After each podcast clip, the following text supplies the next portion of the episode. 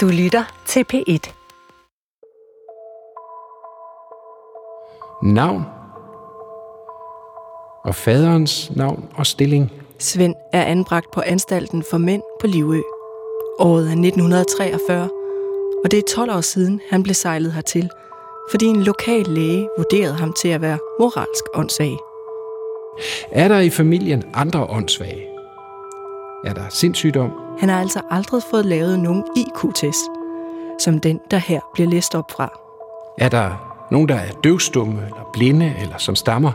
IQ-testen var ellers det grundlæggende redskab, lægerne i åndssvageforsorgen brugte til at screene folk. Men det er først 12 år efter sin anbringelse, at Svend skal igennem den prøve, der afgør, hvorvidt han virkelig er defekt, altså set med samtidens øjne. Er der andre udskejelser i familien? Altså er der nogen, der drikker? Er der nogen, der har haft syfilis? Det her er serien Et Minusmenneske, hvor Svends efterkommer, Jane Tirsvad Rasmussen, undersøger hans skæbne. Hvorfor endte han under åndssvag forsorg, og hvordan var det liv? Jeg er journalist og hjælper Jane med opgaven, for at kunne fortælle om et særligt kapitel af Danmarks historien, der meget nemt kan gå i glemmebogen. Sammen har vi søgt adgang til Svends journal fra åndssvage forsorgen, og vi må dele hans historie, hvis vi holder ham anonym. Derfor er Svend ikke hans rigtige navn, men det, vi har valgt at kalde ham her i serien. Det her er episode 4, IQ-testen. Mit navn er Sara Røykjær Knudsen.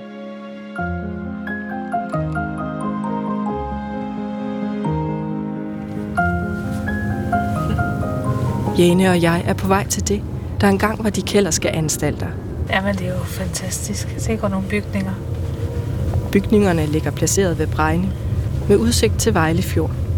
I dag er det en blanding af hotel, efterskole, private boliger og botilbud for mennesker med fysisk og psykisk handicap.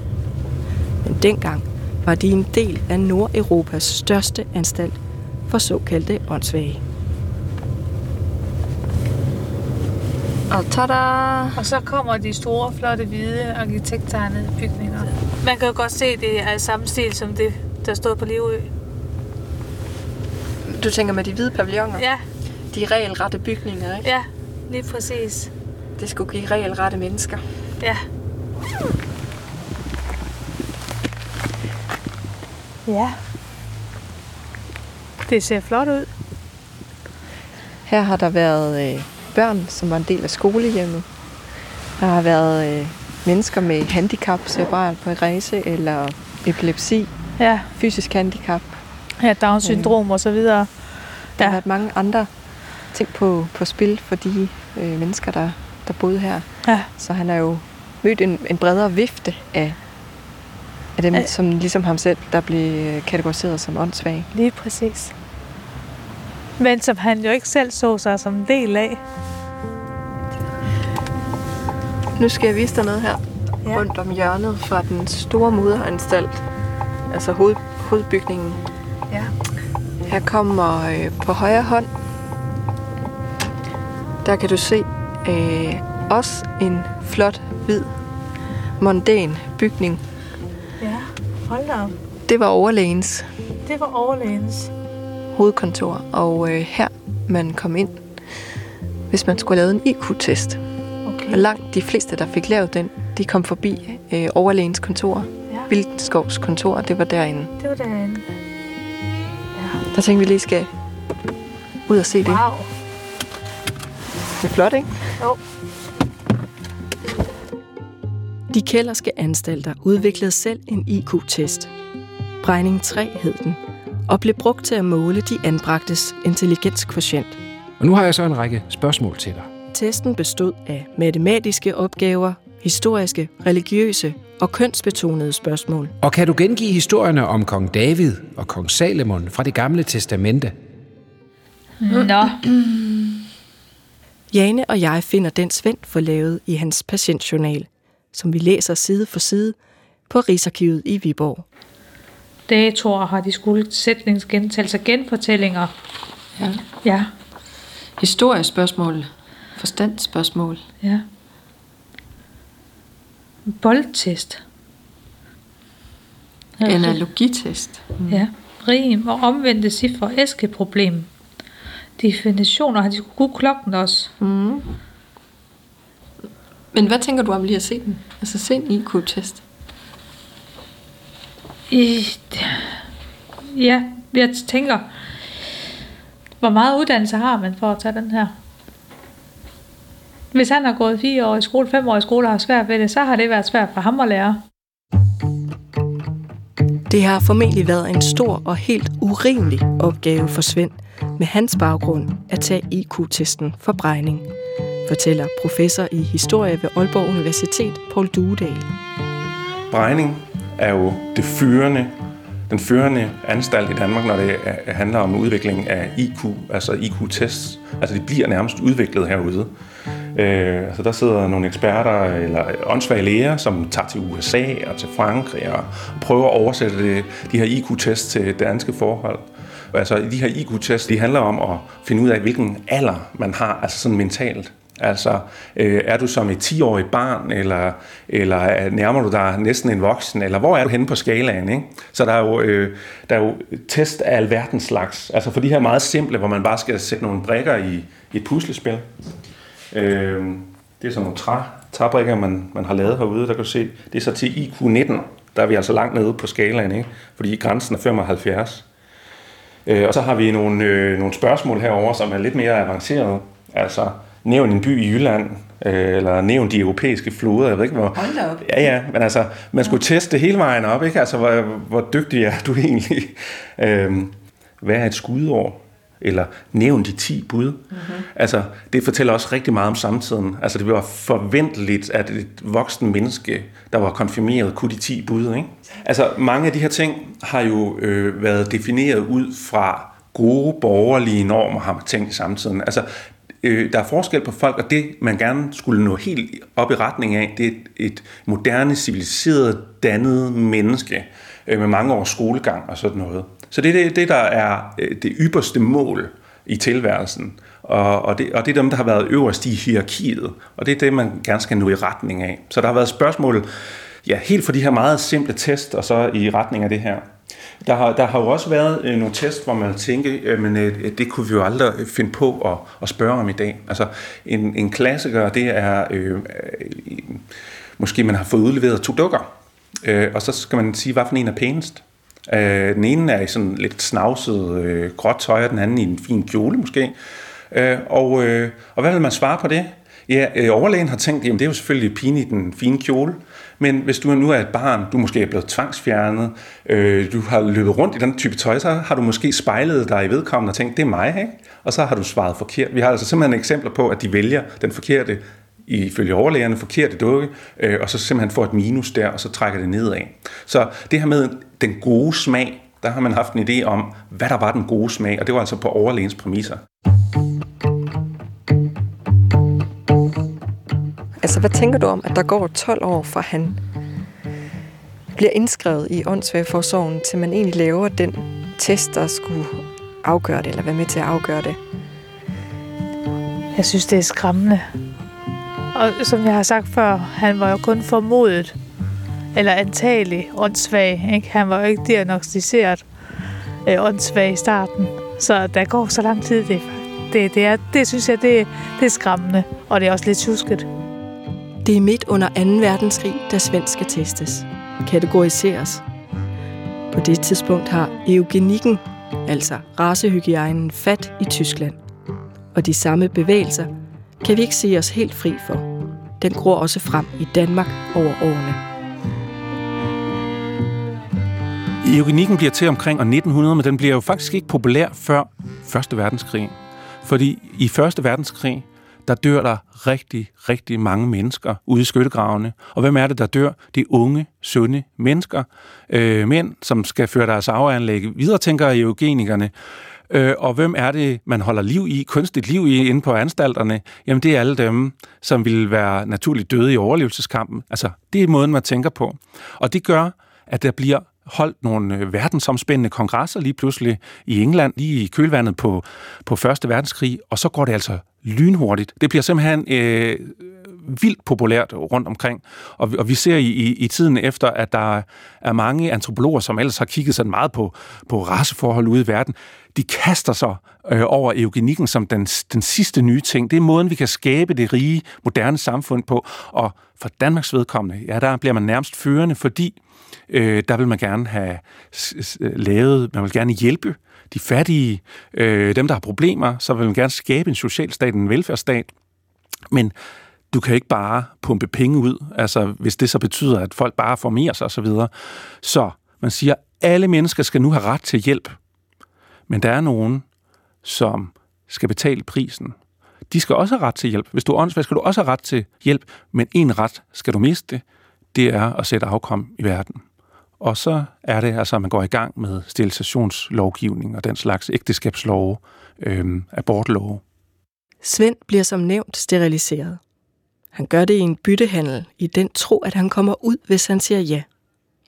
Ægteskab forbydes han også, hvis den udkårende er en kvinde inden for forsorgen. Ja, vi må sige, alt det her, som har med sterilisation og kastration og ægteskabslov, der er Danmark også førende. Altså den første ægteskabslov, som forbyder øh, ægteskaber mellem åndssvage, den kommer i 1922. Og den bliver sådan set inspiration fra, fra Tyskland, da nazisterne også ville begynde at indføre øh, sådan en type lovgivning. Øh, og den inspirerer rundt omkring. Der har været en enkelt amerikansk stat, som har lavet noget tilsvarende forud, men det første europæiske land. Øhm, vi er også tidligt ude med sterilisation, og, det, og spørger du overlægen, så er det igen et humanistisk projekt. Det handler jo om at sørge for, at, at de her øh, anbragte, de kan komme ud i friheden. Men de kan jo ikke takle at være forældre, og, og samfundet kan ikke takle, at de sætter børn i verden. Så derfor giver man dem frihed ved at sterilisere dem. Så de anser det selv for at være et humanistisk projekt. Har du haft flere seksualpartnere? Altså, har du haft sex med flere forskellige? Er du interesseret i det modsatte køn, altså i kvinder? Hvad er forskellen på en dreng og en dværg? Det tager Svend timer at gennemføre IQ-testen. Tak til dig. Ja, du må gerne gå ud af døren. Herefter bliver hans schema analyseret og regnet på. Karaktervurdering. Er personen løgnagtig? Måske. Så ligger der et tal klar et tal, som afgør, om myndighederne fortsat har ret til at holde ham anbragt på anstalten for mænd på Livø. Hvis han er over IQ 75, så får lægerne svært ved det. For svært ved at erklære ham åndssvag. Hvis han er under, kan lægerne med god grund retfærdiggøre hans anbringelse. Den kælderske åndssvage anstalt. Brejning per Børkop 1943. Konklusion. Tallet ender på 68,75. Anbringes fortsat på Livø-anstalten for antisociale mænd.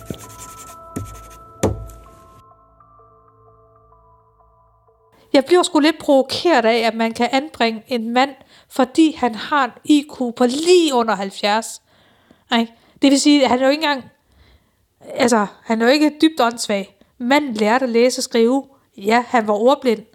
Og han havde nok også en lidt broden måde at være på. Ja. Og han var nok også lidt anderledes i udseende. Ja. Men fordi han har rammer lige under nålen, så synes jeg måske, at Livø var lige drastisk, nok at bringe ham derop. Ikke? Svend sejles tilbage til Livø. 32 år, stadig umyndiggjort og anbragt i åndssvage forsorg. Det er 1943, og som nævnt raser 2. verdenskrig. Sprogø, som er Livøs sidestykke for moralsk åndssvage kvinder, er rømmet og bruges af værnemagten. Mens Livø, med dens formelle placering i Limfjorden, fortsætter med faste arbejdsopgaver og spisetider for mændene, en dør, der kan låses kl. 21, og en skov, man kan gå ud og dampe af i, hvis man ikke kan håndtere rammerne. Nogle af livømændene tager imod et tilbud under krigen om at arbejde for tyskerne og rejser sydpå. Svend bliver på øen, så vidt vi kan læse. Men krigen får alligevel stor betydning for ham. I krigens efterspil bliver der skabt en international erklæring, som går hen og bliver afgørende nyt for Svend og hans videre liv.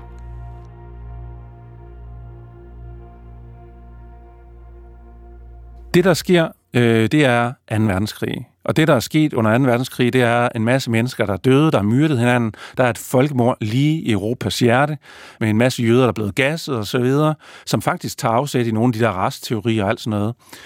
Øh, det kan vi jo ikke, vi kan jo ikke skabe en fredelig verden på den baggrund. Så noget af det, der opstår, det er de forenede nationer. Altså et, øh, et fælles talerør, hvor stridende parter kan øh, tale sig til rette.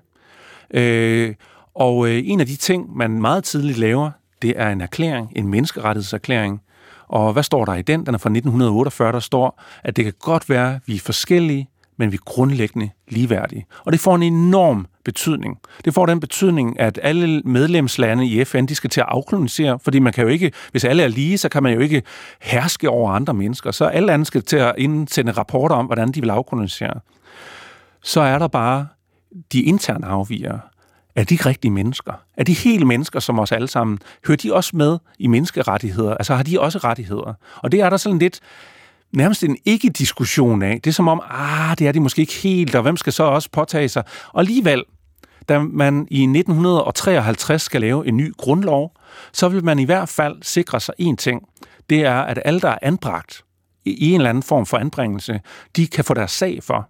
Så hvor det tidligere har været sådan, at overlægen kunne tage beslutninger om en anbringelse, så kan en anbragt lige pludselig få lov til at få øh, det her prøvet hos en dommer. Svend hører om ændringen i lovgivningen. På det her tidspunkt har han været 23 år på Livø. Stadig opsat på at komme ud af forsorgen, finder han et sted at låne en skrivemaskine. Det næste, vi finder i Svends patientjournal, er næsten ikke til at tro. 18. december 1954. Til Socialminister Paul Sørensen. Hermed vil jeg lige skrive et par venlige ord til dem angående udskrivelse af åndssvagforsorgen, da jeg har gået her i 23 år.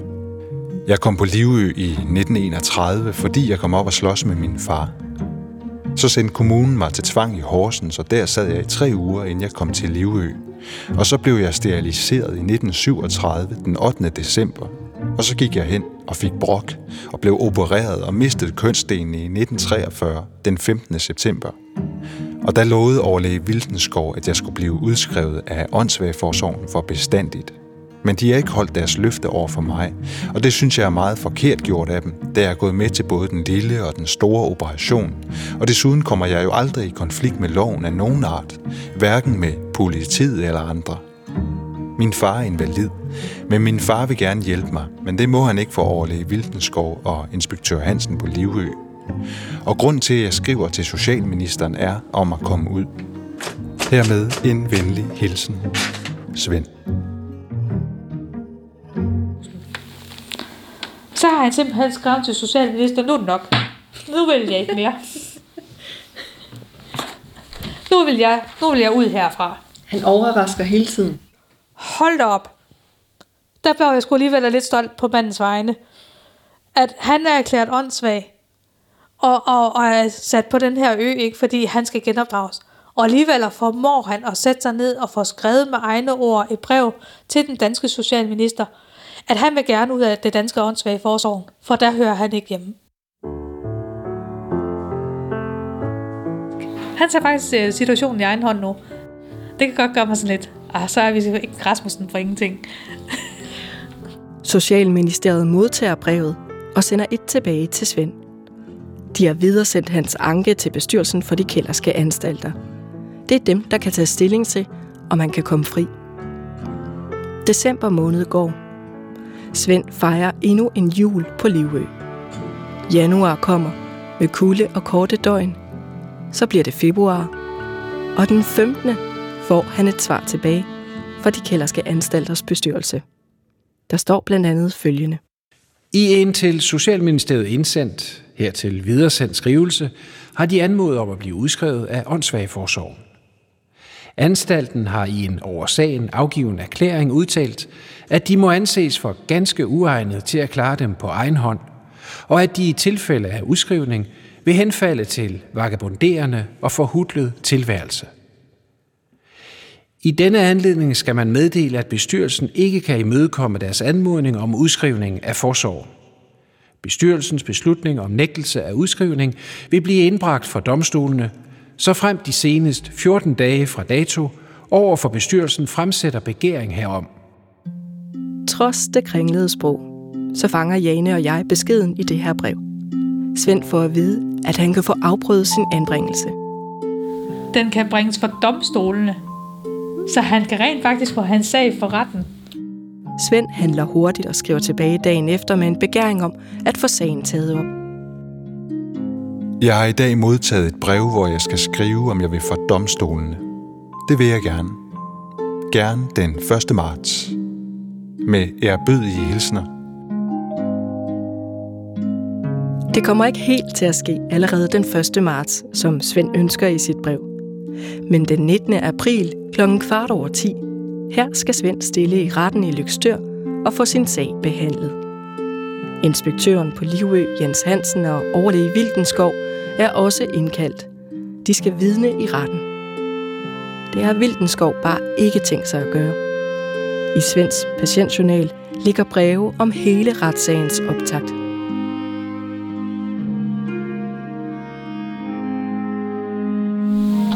Nå, det her det er så for Vildenskov. 27. marts 1955, der skriver han, Med dette betræder vi en farlig sti. Der er kæmpet hårdt for at undgå, at anstaltens fortalige læger skulle rejse landet rundt til forskellige tingsteder. Derfor blev det bestemt, at læger og personale kunne afhøres ved deres hjemting, med mindre ganske særlige forhold gjorde sig gældende. Patienten er ikke sådan et tilfælde. Sagen synes mig ret oplagt. Jeg må derfor principielt protestere mod at give møde i Lykstør. han, han, han tillægger faktisk ikke den her retssag ret meget, enten så må de komme til ham. Ja. Ja, han har bestemt sig, og det, så det er sådan, ja, Det er ikke videre sympatisk, hva'? nej, jeg er ked af at sige, det, men det er faktisk ikke det indtryk, jeg har af Vildenskov igennem brevene, man sådan læser. Øh, Hans Otto Wildenskov, øh, han har haft øh, sine fingre nede i alt. Altså, jeg tror, han brugt rigtig, rigtig mange timer ved et skrivebord. Øh, så har han haft en gang om måneden, hvor han skulle til Sprogø og Livø. Øh, og så, så der er gået noget tid med noget rejseri og sådan noget. Øh, så har han gået til lidt øh, øh, kongresser, eller været en tur i Folketinget, øh, hvor der har været nogle høringer om sterilisation og åndssvage lovgivning og den slags. Så han har været en autoritet i samtiden, og han har følt sig som en autoritet. På en måde har det haft en afsmittende virkning i hans holdning og, og, og måden at være på, og Øh, men han har haft kontrol med alt, også det, den viden, der slap ud inden for anstalterne. Det er også ham, der ligesom sørger for en vis brevcensur, så man lige får, får undersøgt, om, om der nu er gang i noget korrespondence med mennesker, som vedkommende ikke bør korrespondere med. Jeg vil sige, det ord, der bedst beskriver ham, det er paternalisme. At han er en faderfigur, det er ham, der fortæller børnene, hvad den rette livsførelse er. Og de anbragte af hans børn, plejerne til en vis grad også hans børn. Fordi det er ham, der har autoriteten, og ham, der udstikker retningslinjerne. Det er plejerne, der stiller op på rækken, når han går stuegang.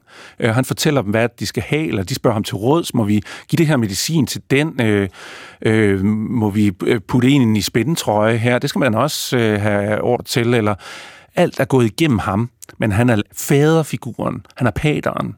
Øh, så paternalisme, det, det ligger lige til højre benet, som det i øvrigt gør ved mange overlæger i samtiden.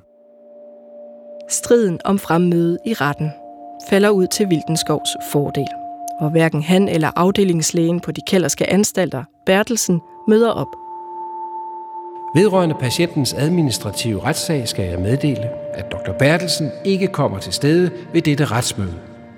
Jeg er på det tidspunkt bortrejst, og han kan dårligt undværes i længere tid herfra, ligesom der ikke er fornødent arbejde for ham på Livø i tilslutning til retsmødet. Svends sag kommer for retten i Lykstør den 19. april som planlagt. I retten forklarer Svend selv, hvorfor han vil sættes fri. Lægernes udtalelser bliver læst op, og nogle dage senere falder der dom. Ja, det er... Nej, de revet lidt i stykker, de papirer. Ja. Nej, men der står her, 10 kendes for ret. Mm-hmm. Den overfor patienten iværksatte frihedsberøvelse bør som lovlig ved magt afstande. Sagens omkostninger, 40 kroner, udredes af det offentlige. Så han kom ikke ud. Han skal blive i åndssvagforsorgen.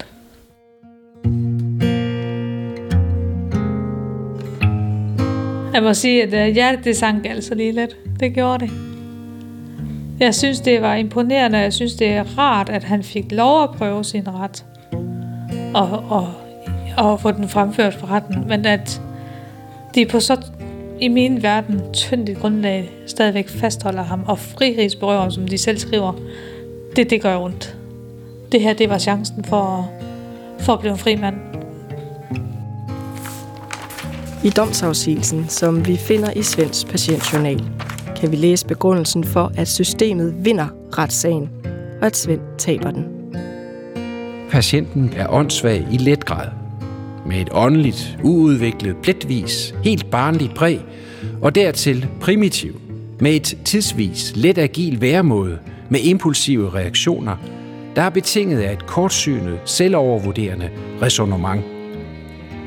Vi anser ham for ganske uegnet til at administrere egen livsførelse. Øh, det lykkes ikke for specielt mange at blive udskrevet, fordi det ender altid med, at øh, hvem er den førende ekspert der overlægen? Hvem stoler dommerne på overlægen? Altså, det er hans ord, der står til trone. Og, og nogen er jo selvfølgelig også anbragt med, med god grund. Det her var episode 4 i serien Et minusmenneske. I næste lærer vi om en ny type operation, som vinder frem inden for åndssvag forsorgen. Man overskærer nogle nervebaner i, i de forreste dele af hjernen. Typisk var det det her med, de blev, ligesom i Jack Nicholsons tilfælde, så blev de pacificeret på en eller anden måde.